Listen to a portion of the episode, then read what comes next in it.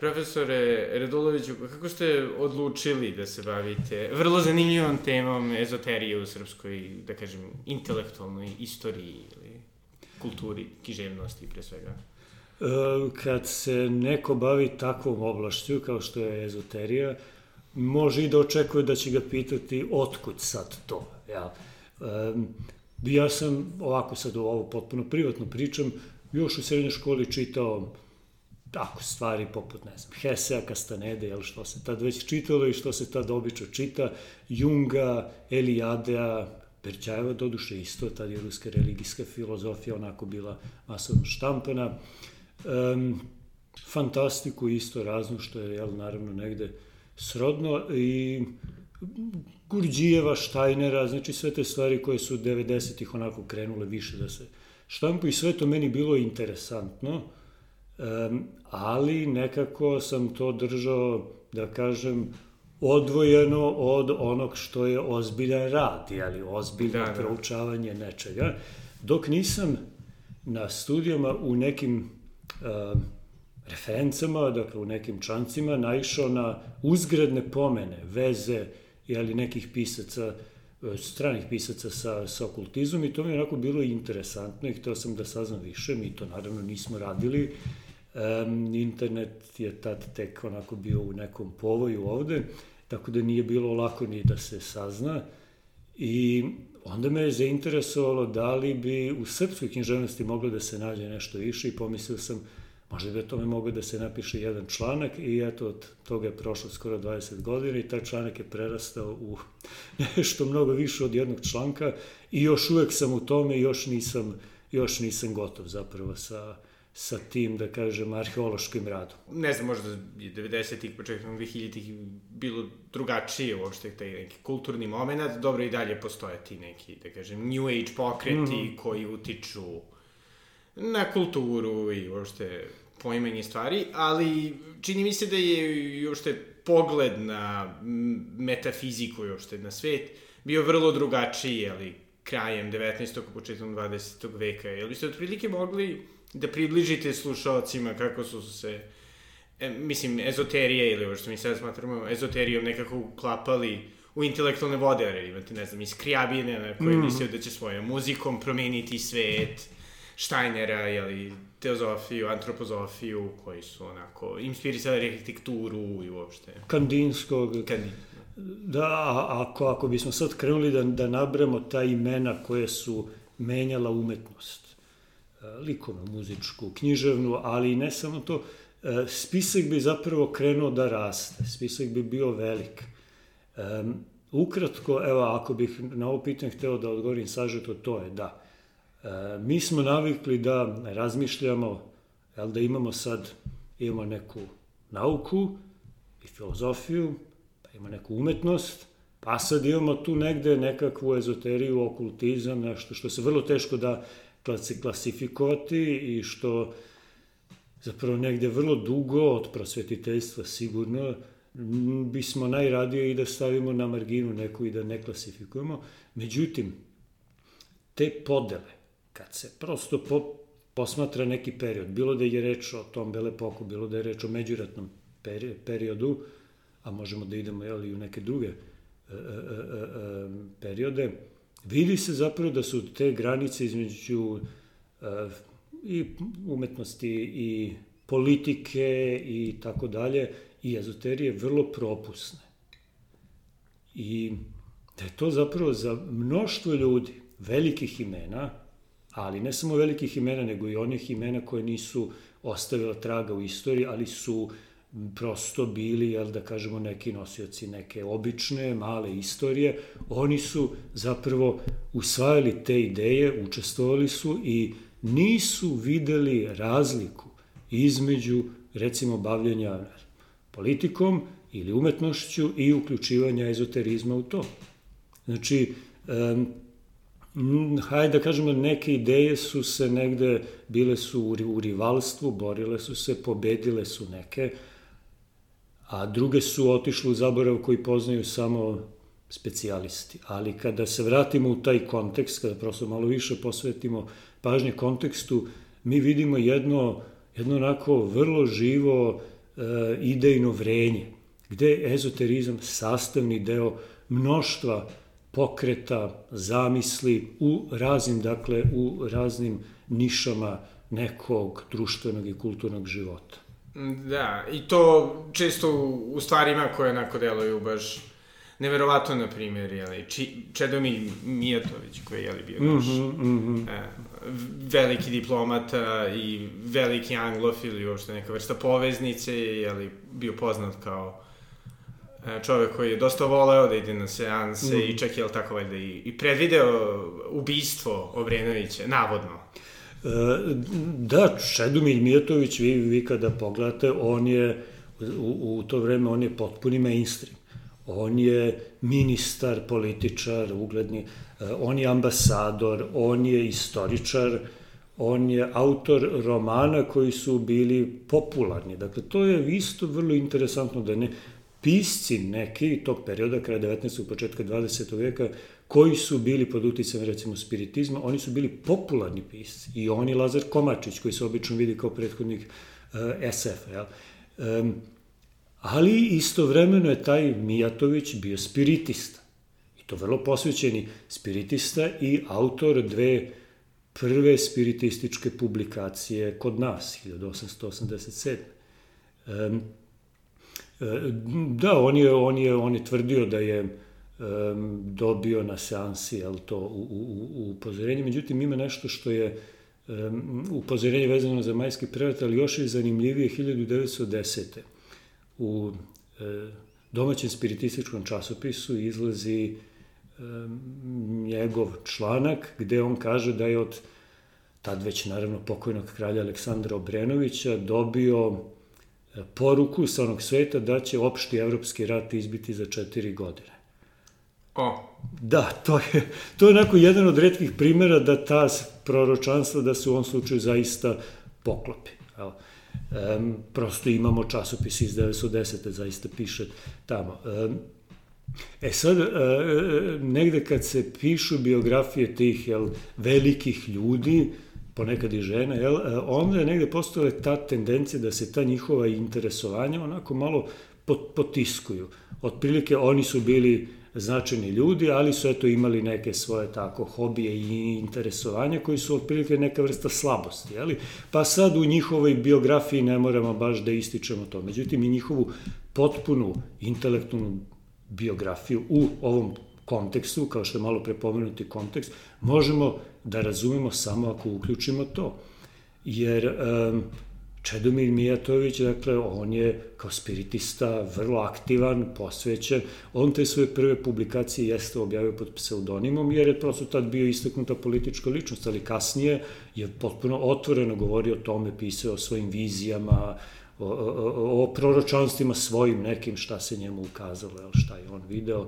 Dakle, ne samo ono što su mu rekli duhovi, jel, nego i više od toga. I sad, um, Ako mi to sklonimo, mi imamo, mi sami sebi ograničavamo pogled. Ako zaista hoćemo da razumemo šta je taj čovjek radio, treba onda da uključimo i to. E, isti je slučaj i sa recimo Ksenijom Batena Sijević, koja je bila članica Teozovskog društva.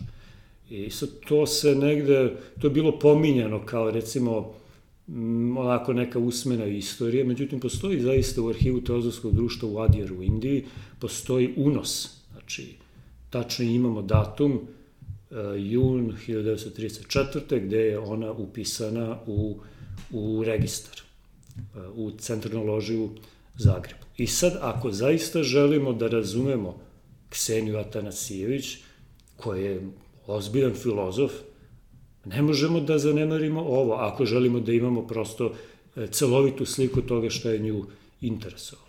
Da, i isto me interesuje, eto da možda približimo slušalcima, kako je to sve izgledalo u nekom domaćem kontekstu, jer Srbija je bila relativno nerazvijena, naravno, krajem 19. veka, ali vrlo otvorena za razne uticaje, u krajem slučaju ta razna društva, masoni, teozofi su tu bile, mislim, načini da se ljudi povezuju, da politički deluju, društveno deluju i sve. E, kakav je status, na primjer, imao spiritizam u to vreme? Je to bila obsesija, da kažem, cool stvar, ono, bogatih i ljudi koji su putovali, opet mi imamo, jeli, naše domaće neke okultne tradicije mm. i folklor. Da, pa, uh, ako gledamo period, recimo, pre Prvog svetskog rata, spiritizam je verovatno bio najprisutniji, jer ove ostale stvari, teozofija i antropozofija, šire se između dva rata, kao, kao organizovani pokreti. Pre Prvog svetskog rata su pojedinci u inostranstvu imali prilike, recimo, da slušaju neke nastupe, na primjer Steinera, ili da se individualno učlane u neka društva. Spiritizam je bio najprisutniji. Sad kakav je, je bio status? Um, status je bio ambivalentan. Jer recimo u jednom od spiritističkih listova niko caradnika nije potpisan. Znači tu je očigledno postojala neka stigma. S druge strane mi vidimo da su neki vrlo obrazovani ljudi, ljudi koji su pripadali nekoj eliti, bili posvećeni spiritisti. Dakle, imamo te, e, e, imate ljude koji kritikuju spiritizam sa različitih stanovišta, e, sa naučnog stanovišta, što je negde očekivano, ali sad spiritisti sami ne vide spiritizam kao suprotnost nauci.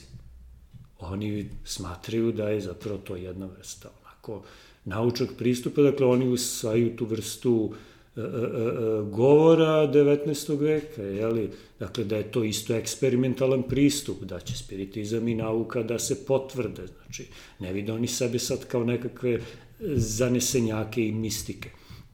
Tako da to kada govorimo o tome šta je nauka, šta je ezoterija i, i tako dalje, to treba videti negde um, iz perspektive ljudi tog perioda.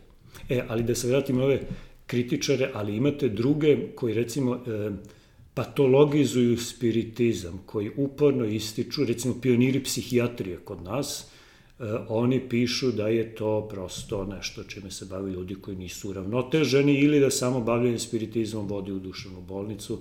Dakle, tu imate jedan onako e, e, medicinski govor, psihijatrijski govor koji treba da delegitimizuje bavljanje spiritizam. Tako da postoji taj onako ambivalentan status, ali negde u najširem kontekstu.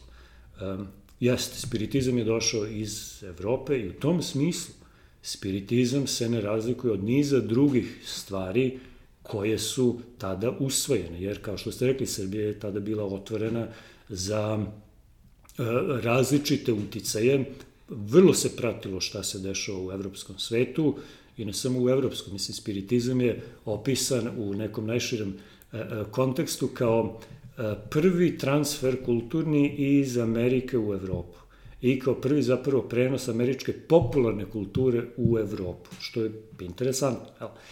E, tako da, ako pogledamo šta je sve primano, ako pogledamo da je i spiritizam priman, onda dakle spiritizam nije onako neki čorsokak kulturni, nego je to takođe deo usvajanja onog što je tada aktualno.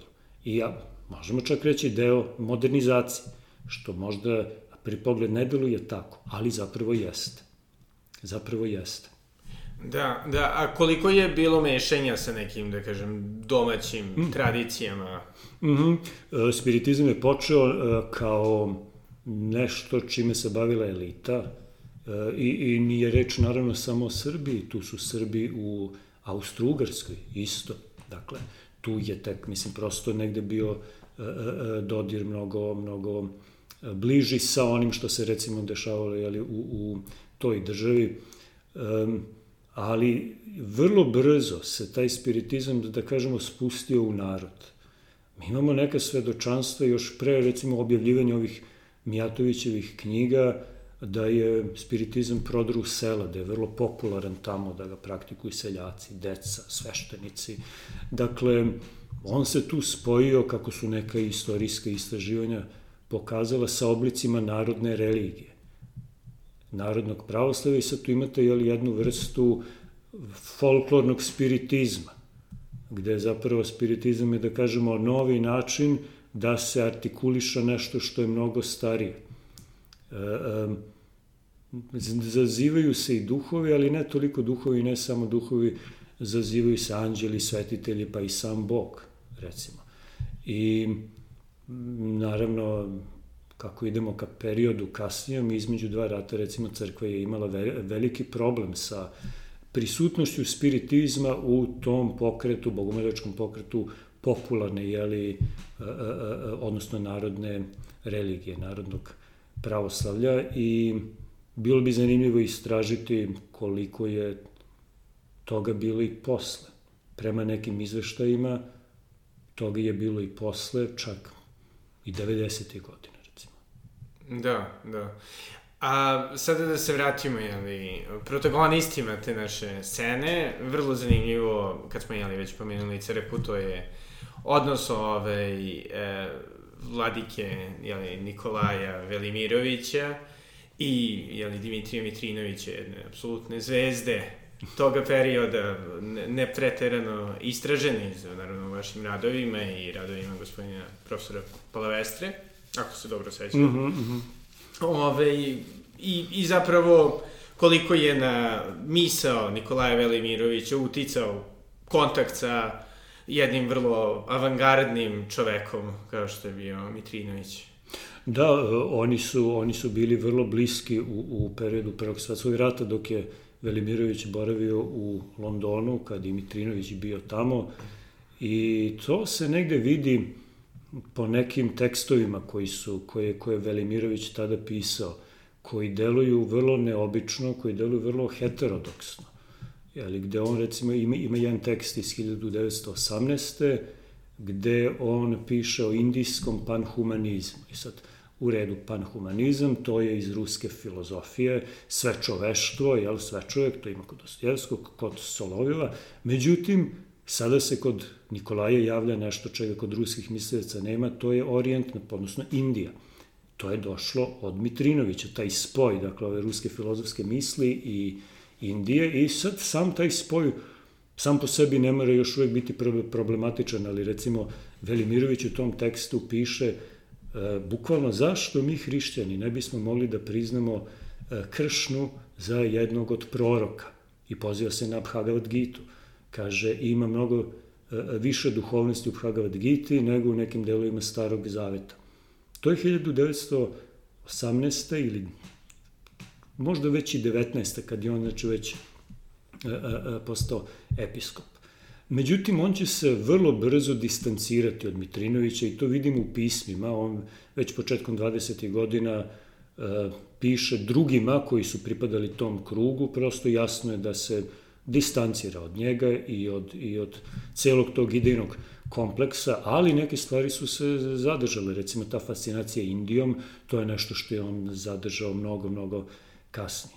Da, da, i, na primjer, isto jedno, ovaj, veliko delo naše, pa možemo da kažemo, političke misli, ajde. Videodanska etika je isto, jeli, ovaj, koliko sam shvatio, bila pod uticajem tih nekih pa da kažemo, ez, dobro ne ezoteričnih, ali svakako spiritualnih ideja i te neke ideje o predestinaciji naroda ka određenoj ulozi u istoriji i i kao učenje svega, je li tako?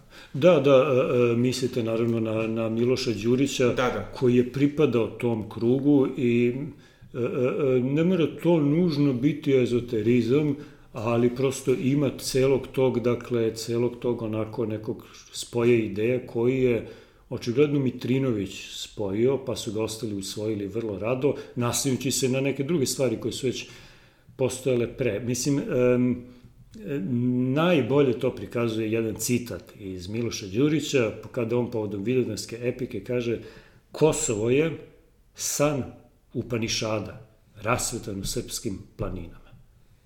I sad to kad vidite, pitate se šta ovo znači ili šta ovo znači po Bogu, jel mogli bi se do, dojeti i to, kakve sad veze ima izbor kneza Lazara i Upanišadem.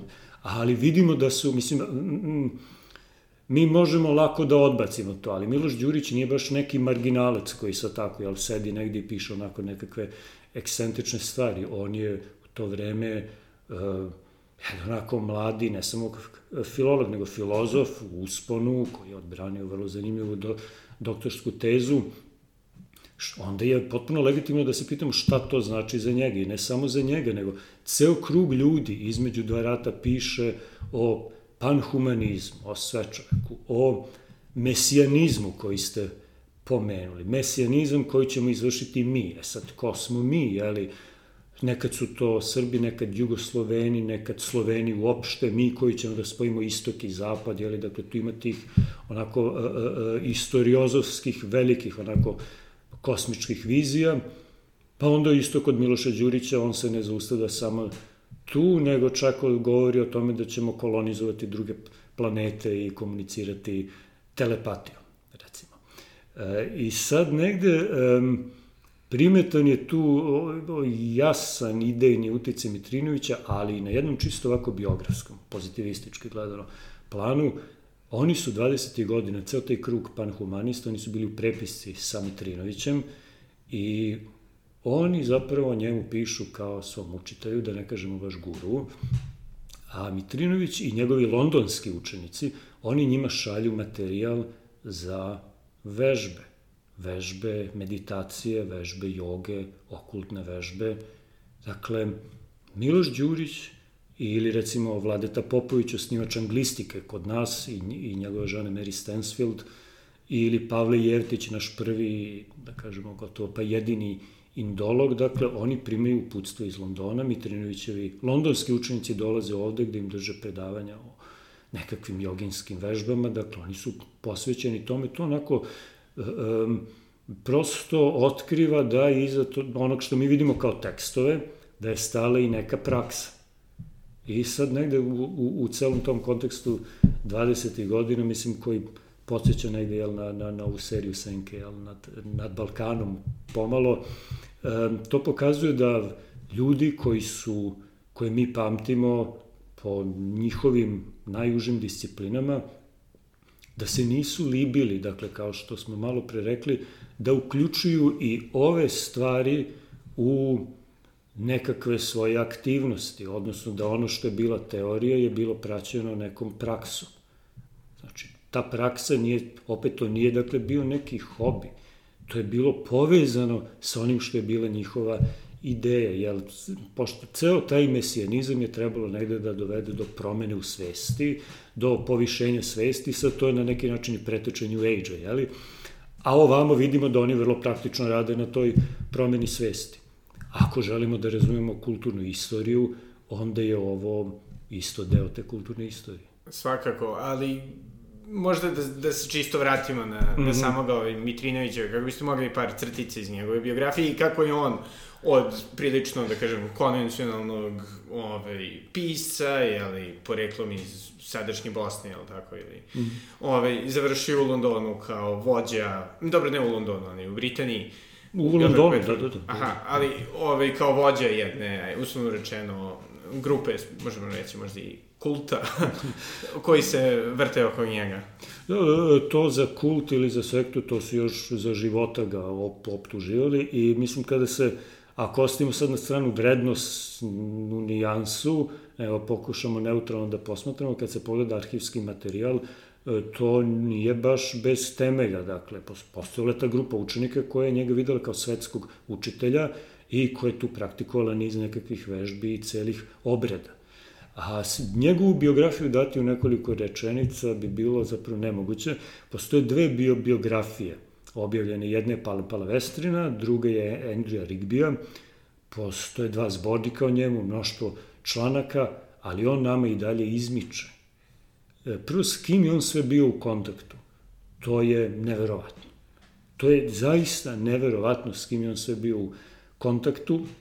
To nije samo Britanija gde ima ogroman broj, dakle, nekih kontakata, nego mi možemo da pratimo njegove kontakte i u Severnoj i Južnoj Americi, Indiji, Kini, Australiji, možda i Novom Zelandu.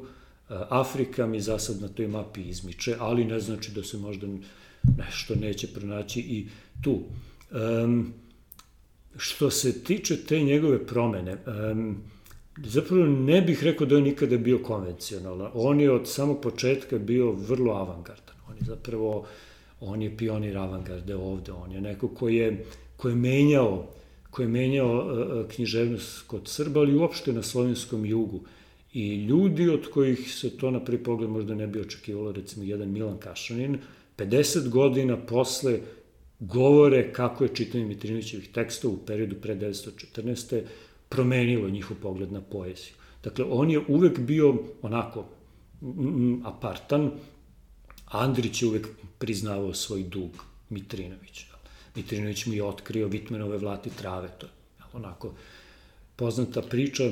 Isto metafizički. Mislim, Vit, Vitman isto bio vrlo uključen u tim krugovima. Da, da, da, da, da, Vitman je, mislim, jel, e, e, e kod Vitmana, mislim, tu se amerikanisti se spore, ali izgleda da i kod Vitmana imao, jel, uticaja indijske misli. A, a svakako ima jednog potpuno novog poetskog govora, jeli. E, tako da, Mm, kod nas je Mitrinović često video kao neko koji je napustio ovaj kraj i potpuno promenio svoj život i to na prvi pogled deluje tako, ali mislim da taj prelom nije bio tako radikalan, jer neke stvari koje on piše kao avangardni kritičar, pesnički likovni, i neke stvari koje piše posle, e, su zapravo vrlo slične.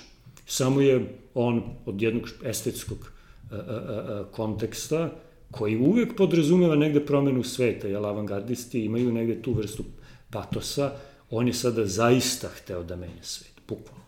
Bukvalno da, da menja svet i drugo, on nikad nije ni prekinuo kontakte ovde, jel, nikad on nije potpuno, potpuno e, prekinuo kontakte i to ne mislim na čisto biografskom planu, nego upravo u smislu ovog širenja ideja. Um, ali bez obzira na te biografije koje, koje imamo i na zaista veliki uh, veliki trud i radi Rigbija i Palavestri drugih ljudi i ima mnogo toga što mi još ne znamo i što na ovom čisto biografskom planu tek, tek može da se otkrije i pošto je njega i njegova građa relativno skoro postala dostupna, mislim da će tu biti još ovako interesantnih stvari. Da. A koje bi bilo prilike vaša hipoteza? Kako je on uspeo da sebe, da kažem, uzdigne u neko polubožanstvo ili ovaj, gurua jedne mislim, prilično intelektualno napredne grupe ljudi i pritom van sobstvene, van sobstvenog konteksta? Pitanje je vrlo zanimljivo, nisam siguran da mogu da odgovorim sasvim. Dobro, postoje naravno nešto što je vezano za međuratnu klimu u celoj Evropi, pa i u Britaniji, gde pa postojala malo da kažemo ta žudnja za nekakvom promenom, i da se ta promena očekivala sa egzotičnog istoka i on je on je imao je pomalo očekivano nešto histrionski, on je mogao malo da se stavi u tu ulogu egzotičnog učitelja sa istoka. To je sigurno jedna stvar. Druga stvar, to vidimo iz uspomena, on je imao harizmu. Ima šarma, ima je harizmu, imao je zaista i nečeg hipnotičkog, to ti kaže, jel, da je umeo tako da pristupa ljudima, tako da očigledno taj neki spoj nekih ličnih osobina i neke društvene klime je uticao na to da on oko sebe okupi jednu grupu ljudi. E sad, drugo pitanje je koliko je nasleđe njegovo danas. Koliko je toga e, e, e ostalo. E, mislim da po nešto ipak jeste. E, ne toliko direktno, koliko možda indirektno. E, jedan od njegovih Jedan od njegovih učenika je bio tada mladi 18-godišnji Alan Watts, koji je posle naravno uticao na nastanak kontra kulture, tako da to je možda jedan od onako poznatijih kanala gde, gde možemo da prepoznamo direktan Mit, Mitrinovićev utice, ali moguće da toga ima više, samo ne može da se vidi na prvi pogled. Um, ono što primer ne može još uvek da se definitivno dokaže, ali je vrlo, vrlo je tu negde blizu e, e, jeste uticaj Mitrinovića na Francisa Bacona, slikara. Dakle, iz, moguće da je recimo tu postojao neki uticaj koji kasnije, koji kasnije sam umetnik, jel nije, nije baš istica.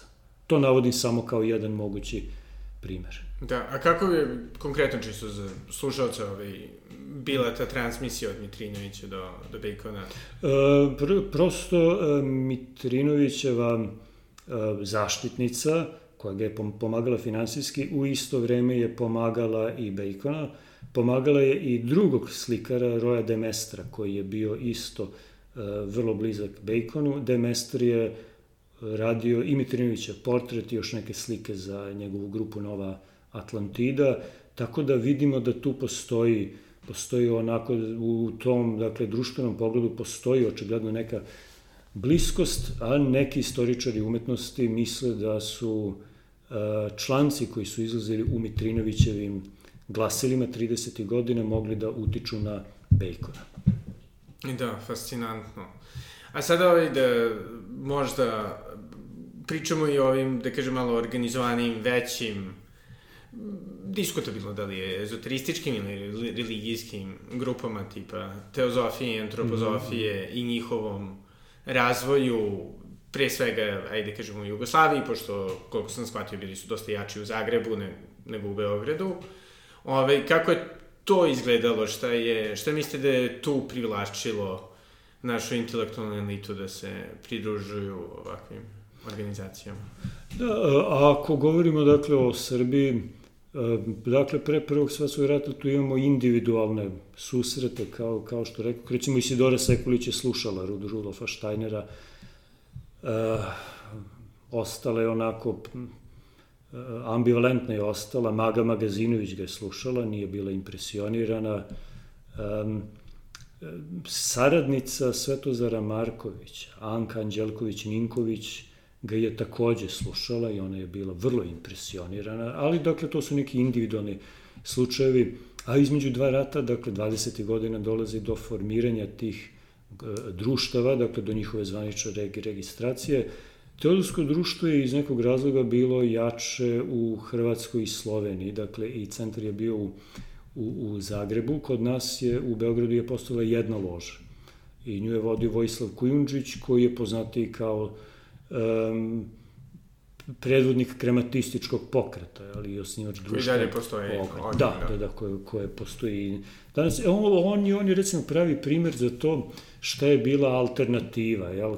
da su ljudi koji su bili u tim vodama bili alternativci u svemu, jer on je bio i mason, ali jedan od onog manjeg broja domaćih masona koji su bili zainteresovani za ezoterizam. I teozof, i krematista, i vegetarijanac i zalagao se za reformu pisma, odnosno za neki spoj ćirilice i latinice, kao za nekakvo jugoslovensko pismo. Dakle, e, e, pokreto je krajem 30. godina nekakav panslavistički pokret, dakle sve što je bilo nekakva alternativa, odjednom iskače Vojislav Kujundžić. Um, Dakle, to je to, ta loža koju je vodio on je bila jedna loža u Beogradu. Antropodolsko društvo, s druge strane, je osnovano u Zemunu, Dakle, opet ono što je do skora bila Austrija, ali prelazi u Beograd brzo. Zanimljivo, ono je osnovano u kući političara, socijaldemokrate Vojislava Koraća, koji je prevao pod pseudonimom jednu Štajnerovu knjigu. E sad, zašto je nešto bilo jače ovde, a zašto nešto tamo, to je negde pitanje koje e, e, e, zaslužuje neku malo detaljniju analizu. Zanimljivo je da kada govorimo o masoneriji, recimo u tom periodu, i tu negde možemo da vidimo tu podelu da je veći interes za ezoterizam postao kod zagrebačkih masona, pa i u nekim, u nekim raspravama koje su dovele do raskola, pored politike, postojale i to, jel, da ova zagrebačka loža optužuje veliku ložu u Beogradu da zanemaruje e, ezoteriju i skrivena značenja, dok opet ovi optužuju njih jel, da previše idu u smeru fantazije, kako kažu. Dakle, čak i po toj osnovi moglo, moglo doći do neke podele. Um, ko su bili članovi, e, pa evo, pomenuo sam već dvoje, kad je o antropozofima reč istaknuti je bio matematičar Miloš Radojčić, naš istaknuti e, matematičar i profesor na fakultetu i akademik koji je 50. godine emigrirao i napravio profesionalnu karijeru u, u inostranstvu. Iza Radojčića, i, i to stvarno mnogo govori, je ostala rukopisan za ostavština koja se meri stotinama i stotinama strana. Uglavnom o antropozofiji. On tu piše i o budizmu, razne stvari. Piše o svojim prethodnim inkarnacijama, piše o nekim svojim vizijama. Dakle, e, on je godinama, decenijama ispisivao strane i strane. Ima antropozovsko tumačenje evanđelja po Jovanu, gde on to prevodi, ali to nije prevod, nego je tumačenje neko. Dakle, ako jedan takav čovek koji se bavi matematikom odvaja toliko vremena, toliko sati, toliko godina, da bi ostavio toliko rukopisno nasledđe posvećeno tome, to onda negde potpuno menja sliku jel, koju možemo imati o njemu. Pošto, nažalost, nisam preterano upućen u e, samo da kažem tehnike ili kultne prakse antropozofije, jel mislim on pratio tu neke načine da bi se kao vratio u prošle živote ili je to bilo više neka intuitivna e, praksa? E, konkretno za reinkarnaciju ne, ne kaže, ali ima, imamo druge neke zapise gde on um, govori kako je posmatrao neki cvet i kako je onda video razno razne boje oko tog cveta, jeli? A to su zapravo vežbe koje prepisuje Steiner u knjizi kako se stiču saznanja viših svetova, jel? gde fokusiranjem na svet treba videti jel, a, a, a, druge planove, um, tako da očigledno je Radojičić sledio ta uputstva jel, da bi video ono što je nekakav jel, nekakav astralni, ali da kažemo plan ili već kako bismo nazvali to, kako se već tačno tamo naziva. To je onako recimo jedan primer gde možemo da vidimo ta, ta, ta uputstva. Znači gde možemo da vidimo onako direktno kako se sledi praksa, negde, negde imamo samo nagoveštaj, recimo Ksenija Atanasivić je praktikovala jednu numerološku metodu za koju ne znamo tačno kako je izgledala, nisam siguran ni, ni da je numerološka dobar izraz, ali kojom su se navodno dobijale poruke od nekakvih tibetanskih mudraca, nek, neka vrsta, ne znam, astralnog kontakta ili već kako bismo nazvali to. Dakle, to vidimo u njenim e, dnevnicima, kako je tačno izgledala metoda, nismo sigurni. Ali, dakle, i, i tu je negde postojao taj deo koji nije bio vezan samo za čitanje tekstova, nego baš i za praktikovanje. Još jedna zanimljiva stvar, je li vezana za taj međuratni period, je dolazak velike, ogromne, izrazito intelektualne migracije iz Rusije. Mm. Pre par godine, mislim da je bila cela kontroverza oko vraćanja slika umetnika čije ime, uopšte mogu sad setim. Nikoli Rerih. Tačno. Nikolaj, Nikolaja Reriha u St. Petersburg, koji je imao te vrlo fantastične slike koje su jeli, bile vezane za njegove određene duhovne prakse. Kako je izgledao taj dolazak Rusa i opet, jeli, Skrijabin, ranije pomenuti, mm -hmm. je isto imao tu neku, da kažem, polumesijansku ideju o sobstvenoj umetnosti. Jel su oni uticali na, na srpsku umetnost i neku samopercepciju i to neko, dodali taj neki mesijanizam kod nas? E, Rusi su imali ovde, pored svoje emigrantske kulture koju poznajemo relativno dobri, koji su istoričari ruske emigracije i naši slavisti lepo osvetlili, imali su i tu okultnu kulturu ili podkulturu ili okulturu, kako god to nazvali, da. jeli, um, koju ipak poznajemo slabije. Recimo, imali su čuveni časopis Okultizam i joga, prvih sedam brojeva izašao je ovde u Beogradu. I to je časopis koji je posle decenijama u, u, u Južnoj Americi posle. Imali na su, ruskom? Na, na ruskom, da, da, da, da, na ruskom. Imali su niz nekih izdanja svojih okultnih, ali i antiokultnih, um, dosta toga, međutim, e, dosta toga nije, nije ni pristupačno, neke od tih stvari jednostavno ne postoje više, e, nema ih. Um, ali koji je bio uticaj, mislim da je to ipak uglavnom ostalo vezano za, za same Ruse. Za same Ruse. E sad, tu i tamo negde vidimo, onako vidimo da je nešto uticalo, uticalo šire, recimo, um, postojalo je jedno društvo koje se bavilo parapsihologijom između dva rata, parapsihološkim eksperimentima, koje je bilo povezano sa nekim engleskim društvima i njega su osnovali Rusi, pa su se to onda uključili i, i, i Srbi, pa su uključili neki Zagrebčani. E, ili, što je možda još zanimljivije, antimasonizam e, između dva rata, antimasonizam okultnog tipa, dakle, koji nije samo politički, nego koji vidi, jel, tu, da kažem, ima onako jednu e, e, e, e, okultnu, konspirološku, jel, e, e, viziju istorije, jel, gde se masoni vide kao agenti, jel, dakle, tih nekih okultnih sila, e, to je, na primjer, nešto što su doneli Rusi. Što je, recimo, bela ruska emigracija donela, što opet mislim da je nije izvorno rusko, nego su oni preneli francuski konspirološki model, dakle, iz katoličke literature antimasonske s kraja 19. veka. Tako da ti putevi prenosa nekad, kako vidimo, mogu, mogu da budu vrlo, vrlo zapetljeni.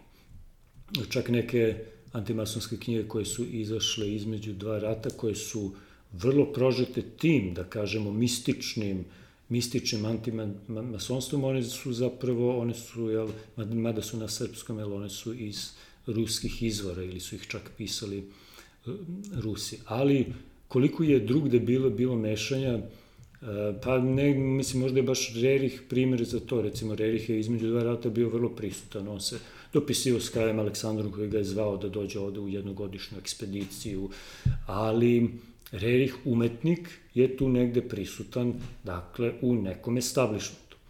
Rerih okultista je prisutan u jednom malom krugu ruskih emigranata. On njima šalje svoje uputstva, oni objavljuju njegove članke u tom časopisu Okultizam i joga, Dakle, tu kao da, kao da imamo razliku između onog, jel, što je njegov odjek u srpskoj sredini i u ovoj mali, da kažemo, ruskoj zajednici.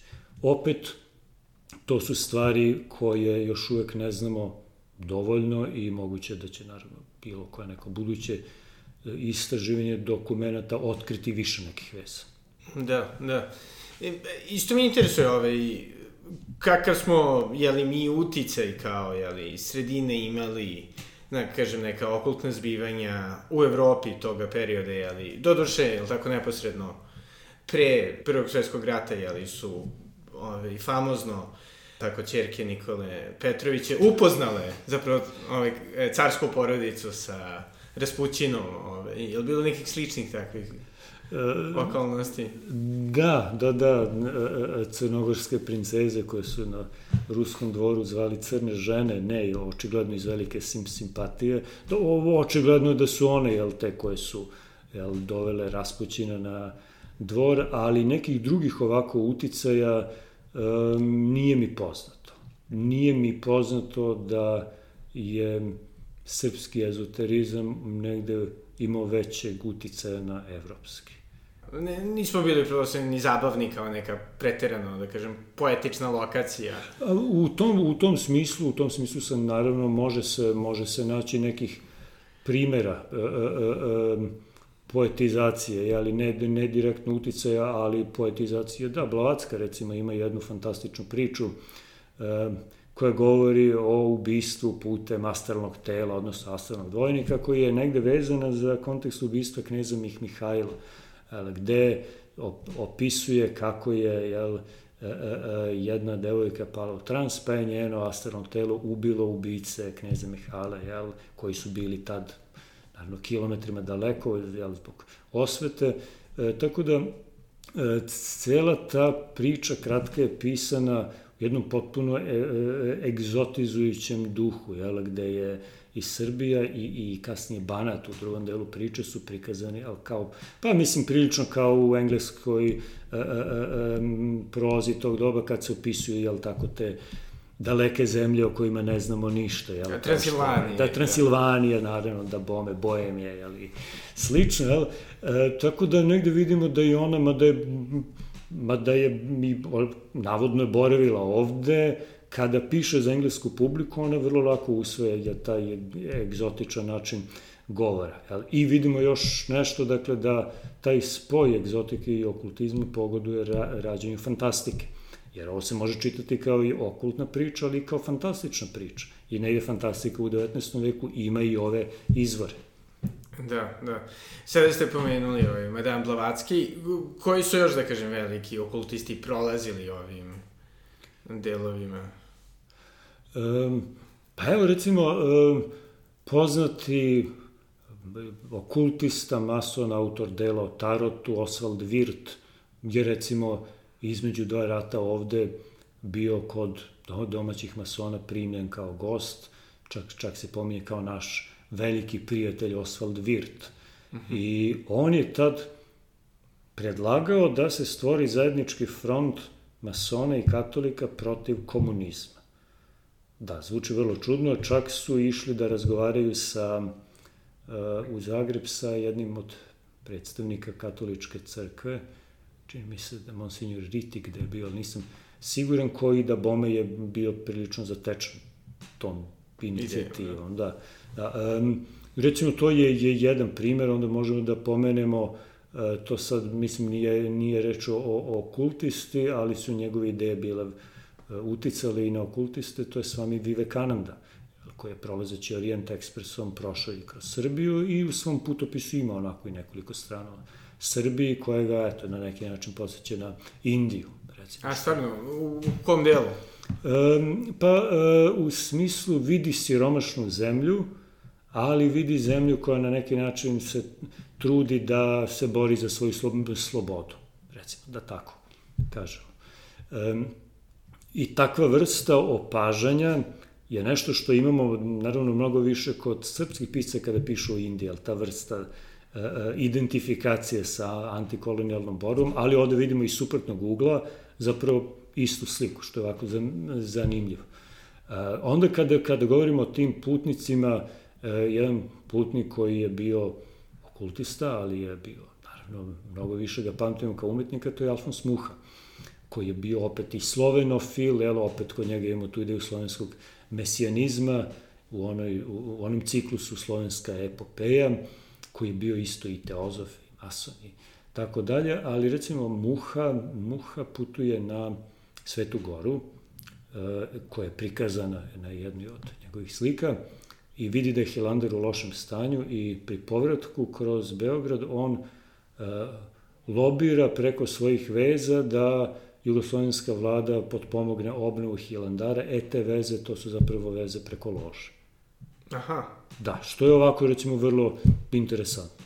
Da, da. Pogotovo u obzirom, ne je li odnos masonarije prema organizovanoj crkvi E, zapravo između srpske masonerije i srpske pravoslavne crkve nije bilo nekih, da kažemo, sudara, barem ne velikih sudara, kao što je recimo bilo u katoličkim zemljama. Tu ima nekih razlika između katoličke crkve i masonerije u, recimo, latinskim zemljama i, na primjer, protestantskih i pravoslavnih zemalja gde to nije bilo tako oštro. Ali ovde je to zanimljivo, naravno, i zbog te neobične veze, jel, dakle, obnova Hilandara, jel, treba da ide tim, tim, tim putem, ali naravno na, na, na prvom mestu zbog, zbog samog muhe, jel, zbog, zbog njegovog imena. Naravno, naravno. E, I je li, ove, i to je ona polumitska ličnost, da li se zvala Marija ili iz Zagreba, koja je, li, u društvu Vrijel, ili da, da. se ona fotografija.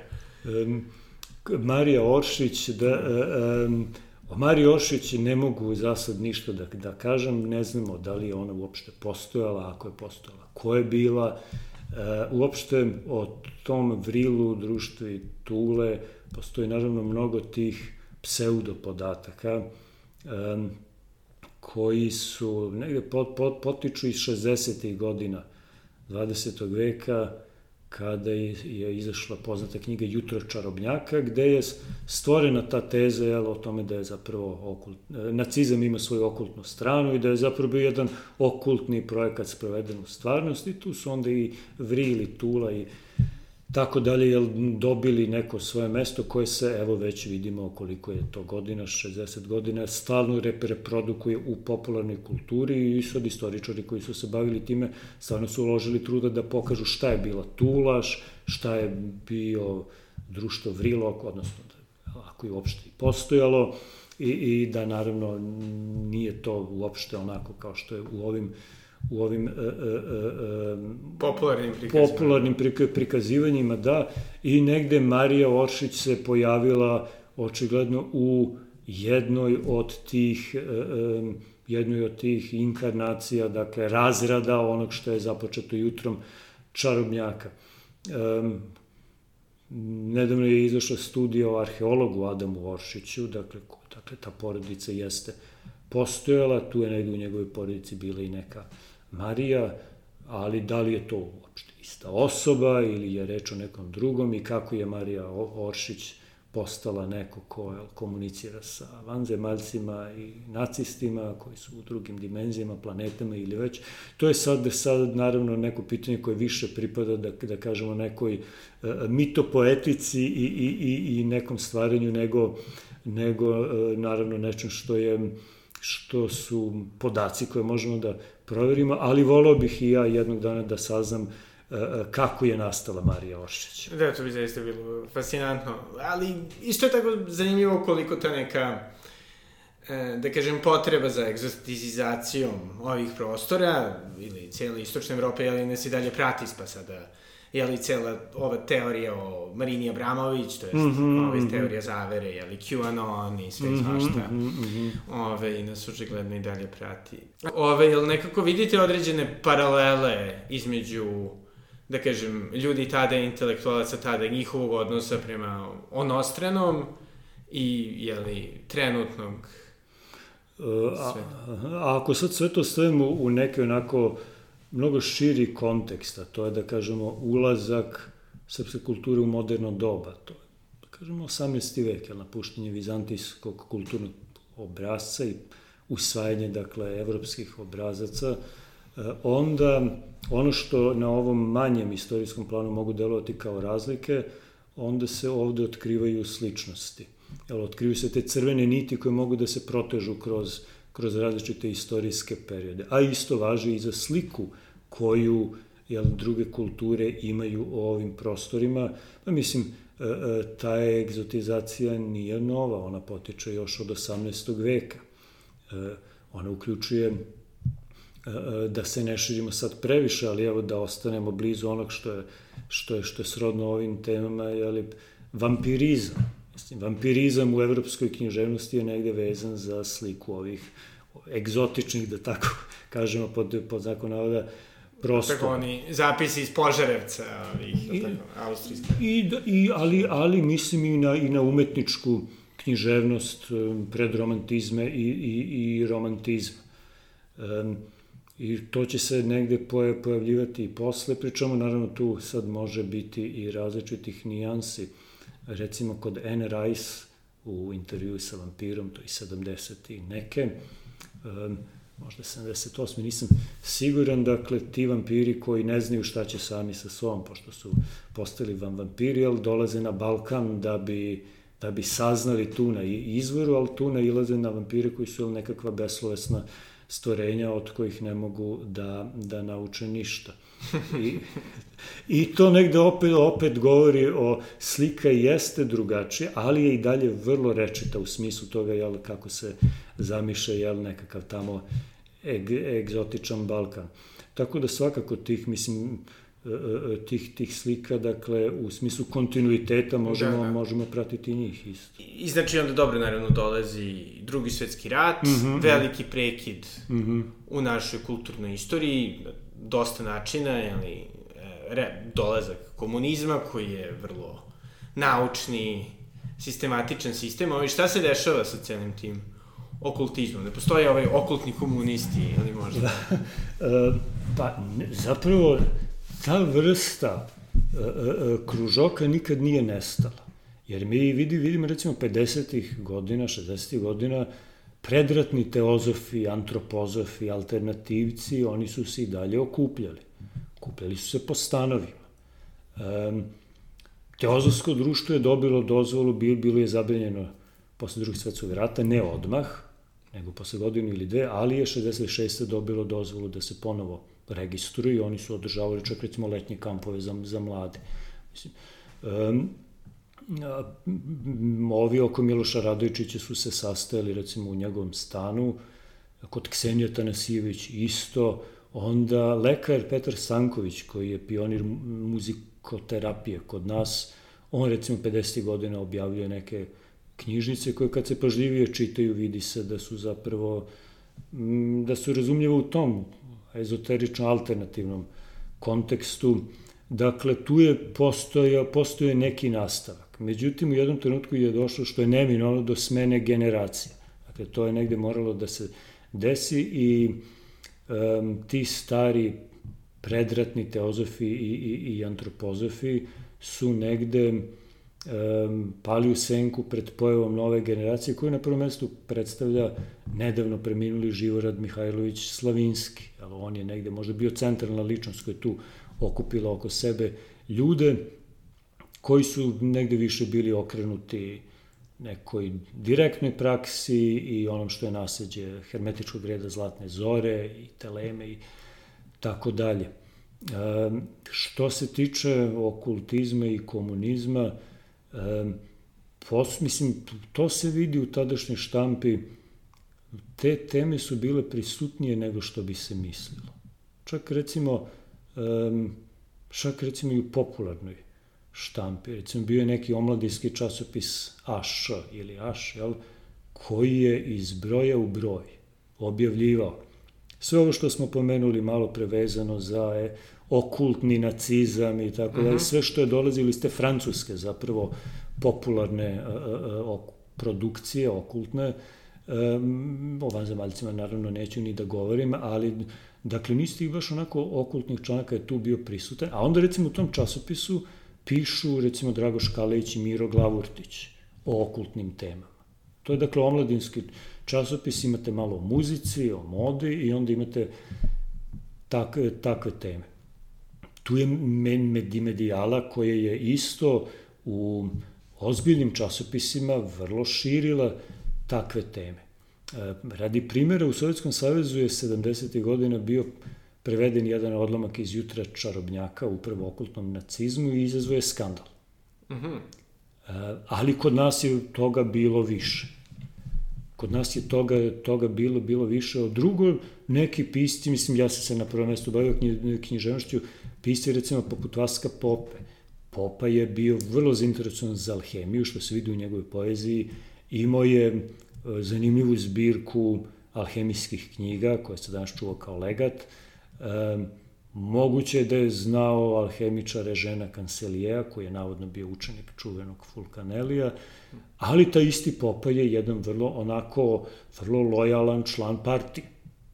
I zato to su neke stvari koje su zanimljive, koje u nekom kontekstu treba istražiti vrlo pažljivo. Um, mnogim umetnicima, očigledno, su ti oblici služili za artikulaciju nekih novih poetika koje su se razlikovale od onog što je negde bilo zvanično forsirano.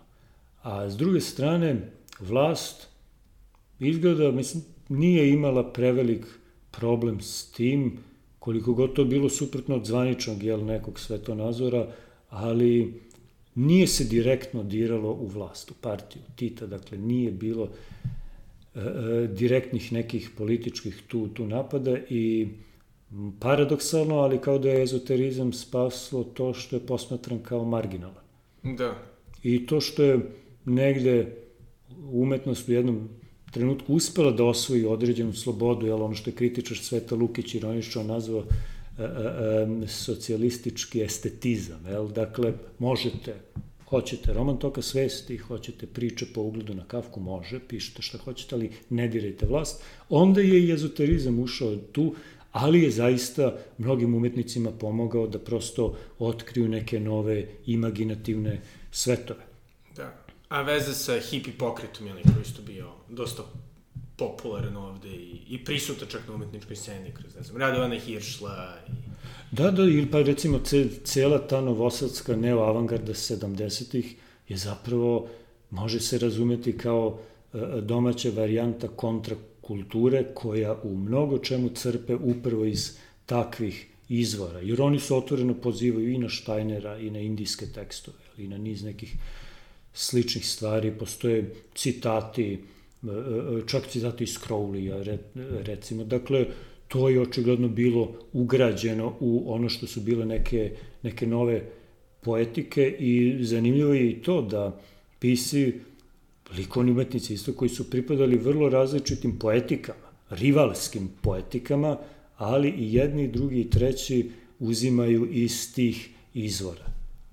Ne. Ali recimo trenutni odnos prema, da kažem, New Age-u, bivši da se radi, jeli, o o astrologiji, o tarotu, mm -hmm. kristalima, raznim sada ritualima. Mm -hmm. Ove, jel mislite da je to na nekom sličnom nivou, ima neku sličnu mesto u javnosti kao što je tada imalo ove druge okultne prakse ili... E, ima, ma ima mnogo sličnosti, jer e, New Age zapravo nije samo neka potkultura jel, nekih ljudi koji sad idu u specializovane prodavnice pa kupuju, ne znam, kri, kris, kristale.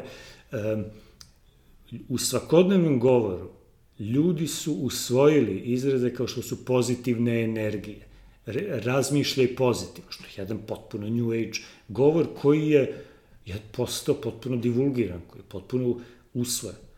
E sad, ako se vratimo unazad, recimo, kraj 18. početak 19. veka iz tada popularnog i pomodnog mesmerizma uh, usvojeno je, u svakodnevni govor ulaze predstave o fluidima, koje se zapravo sadržavaju i danas. Jel? Dakle, fluid koji je bio zamišljen direktno jel, kao, kao nekakva vrsta sile, uticaja, prenosa, ulazi u svakodnevni govor i koristi se, jel, kao tu ima flu, fluida, osetio se neki fluid, jel, dakle, odvojio se od svog pr prvobitnog značenja, delimično barem, i sad, jel, živi kao deo govora, tako da ta, ta vrsta popularizacije okultizma, to nije, to nije nešto novo, to imamo danas, to imamo i u 19. veku, to imamo i u 18. veku, tako da sličnih procesa ima, i što pokazuje još nešto da, Um, okultizam nije nešto što je sad vezano za neke vrlo zatvorene krugove, to je isto tako i deo nečeg što je svakodnevica, što je pristupačno, što ulazi u uh, kulturu elitnu, umetnost, ali ulazi jeli, u neku popularnu kulturu i svakodnevni govor.